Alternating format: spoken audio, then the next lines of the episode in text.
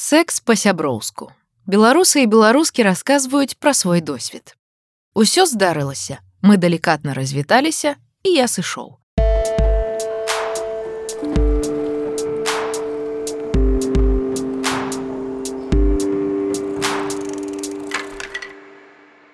Сіці-док запытаў сваіх чытачоў і чытачак, ці былі ў іх адносіны ў фармаце сяброўства з прывілеямі або friends with benefits. Папросту кажучы, ці быў у вас секс з сябрам ці сяброўкай.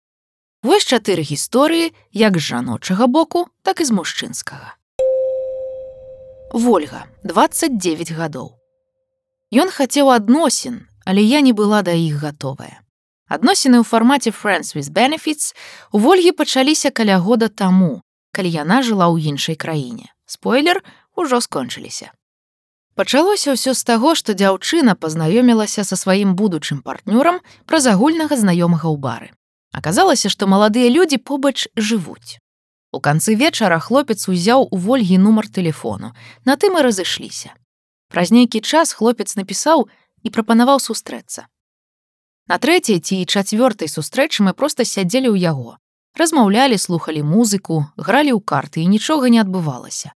Для мяне гэта было дзіўна, таму што адчувалася, што цяга ёсць у абодвух, распавядае Вольга.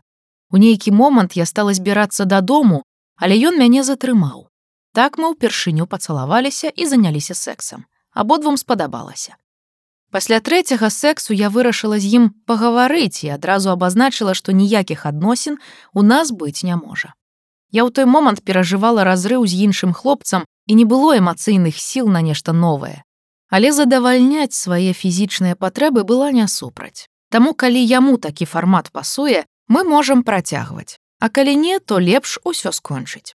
Аказалася, што ён хацеў са мной адносін, таму пасля маіх слоў настрой у яго сапсаваўся, але ж пагадзіўся працягваць.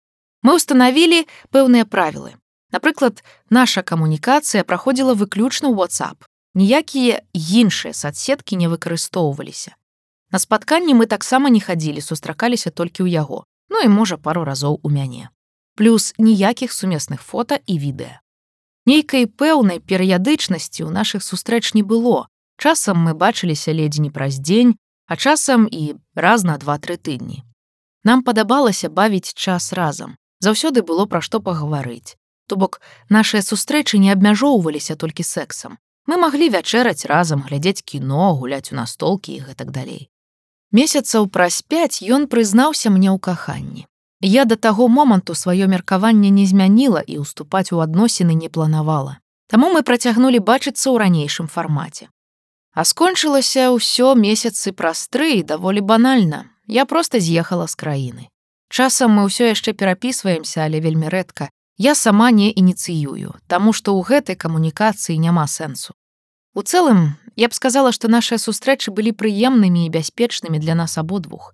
Магчыма, яго чаканні не сышліся з рэальнасцю, але я з самага пачатку была з ім сумленная. Таму застацца ў такіх адносінах, якія, магчыма, яму не надта пасуюць, было яго ўласным выбарам. Андрэй, 32 гады.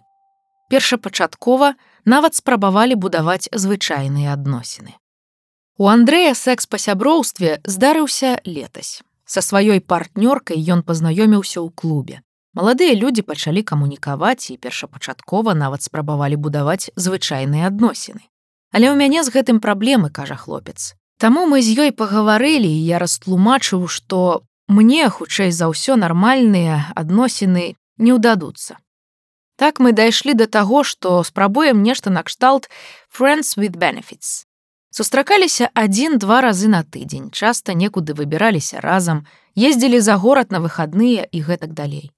І падчас гэтых паездак паводзілі сябе хутчэй як пара, чым як сябры. Ды і ў цэлым у нас былі даволі шчырыя адносіны. Мы падтрымлівалі адно аднаго, дзяліліся сваімі хваляваннямі. У паўнавартасныя адносіны нашыя сустрэчы не перараслі чыста з-за мяне. Па-першае, з-за маіх праблем з адносінамі, над якімі я цяпер працую, але яшчэ ў пачатку шляху. А па-другое, я не адчуваў нашага супадзення на ўсе сто процентаў. Хоць дзяўчына потым прызнавалася, што ўсё ж спадзявалася, што гэтая камунікацыя перарасце ў нешта большее. Агулам нашы сустрэчы доўжыліся каля шасці месяцаў. Але разрыў па сутнасці быў запланаваны першапачаткова. Я збіраўся з'язджаць на працяглы тэрмін. Уласна на гэтым усё і скончылася, хаця перыядычна перапісваемся да гэтага часу. Мікалай, 25 гадоў. Было крыху ніякавата, але і заднюю ў такой сітуацыі даваць не хацелася. У Мікалая секс па сяброўстве здарыўся зусім нядаўна, першага студзеня. Хлопец расказвае, што ў яго ёсць даўняя сяброўка, з якой ён знаёмы ўжо гадоў 10. Звычайна маладыя людзі проста перапісваюцца, дзеляцца сваім жыццём, праблемамі і радасцямі. Бачацца рэдка, таму што Мікалай працуе дальнабойнікам, і дома бывае толькі тры-чатыры разы на год. Аднойчы наша размова зайшла пра секс без абавязкаў.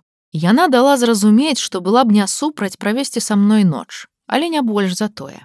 І калі першага студзеня я падвёз яе дадому, яна запрасіла зайсці. Шчыра сказаць, мне было крыху ніякавата, але і даваць заднюю ў такой сітуацыі не хацелася. Тым больш, што яна адразу падкрэсліла, што начаваць мне лепей ехаць дадому.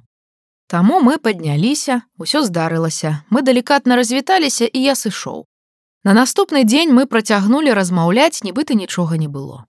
Варыянт, што нашыя сустрэчы перарастуць у адносіны я не разглядаю. Яна старэйшая за мяне на 5 гадоў ёсць дзеці, Хаця на тое, што сустрэчы для сексу будуць працягвацца, я разлічваю. Вікторыя, 38 гадоў.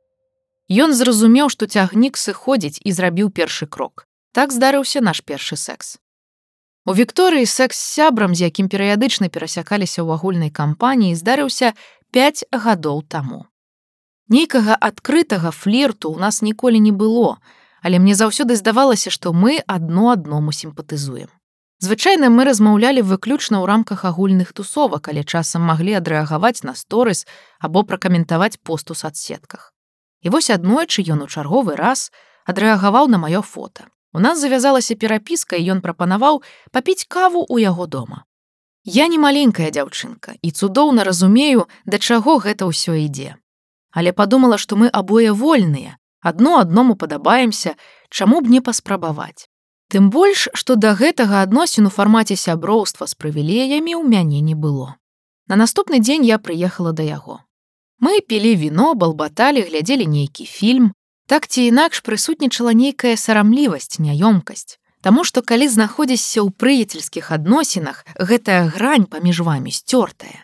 І ты як быццам не можаш раптам узяць і пачаць рабіць нейкія дзеянні сэксуальнага характару. Хоць абое цудоўна разумелі, для чаго апынуліся ў гэтай кватэры.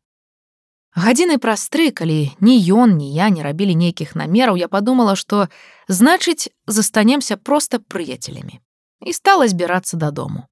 Тут ужо чалавек, мабыць, зразумеў, што цягнік сыходзіць і зрабіў першы крок.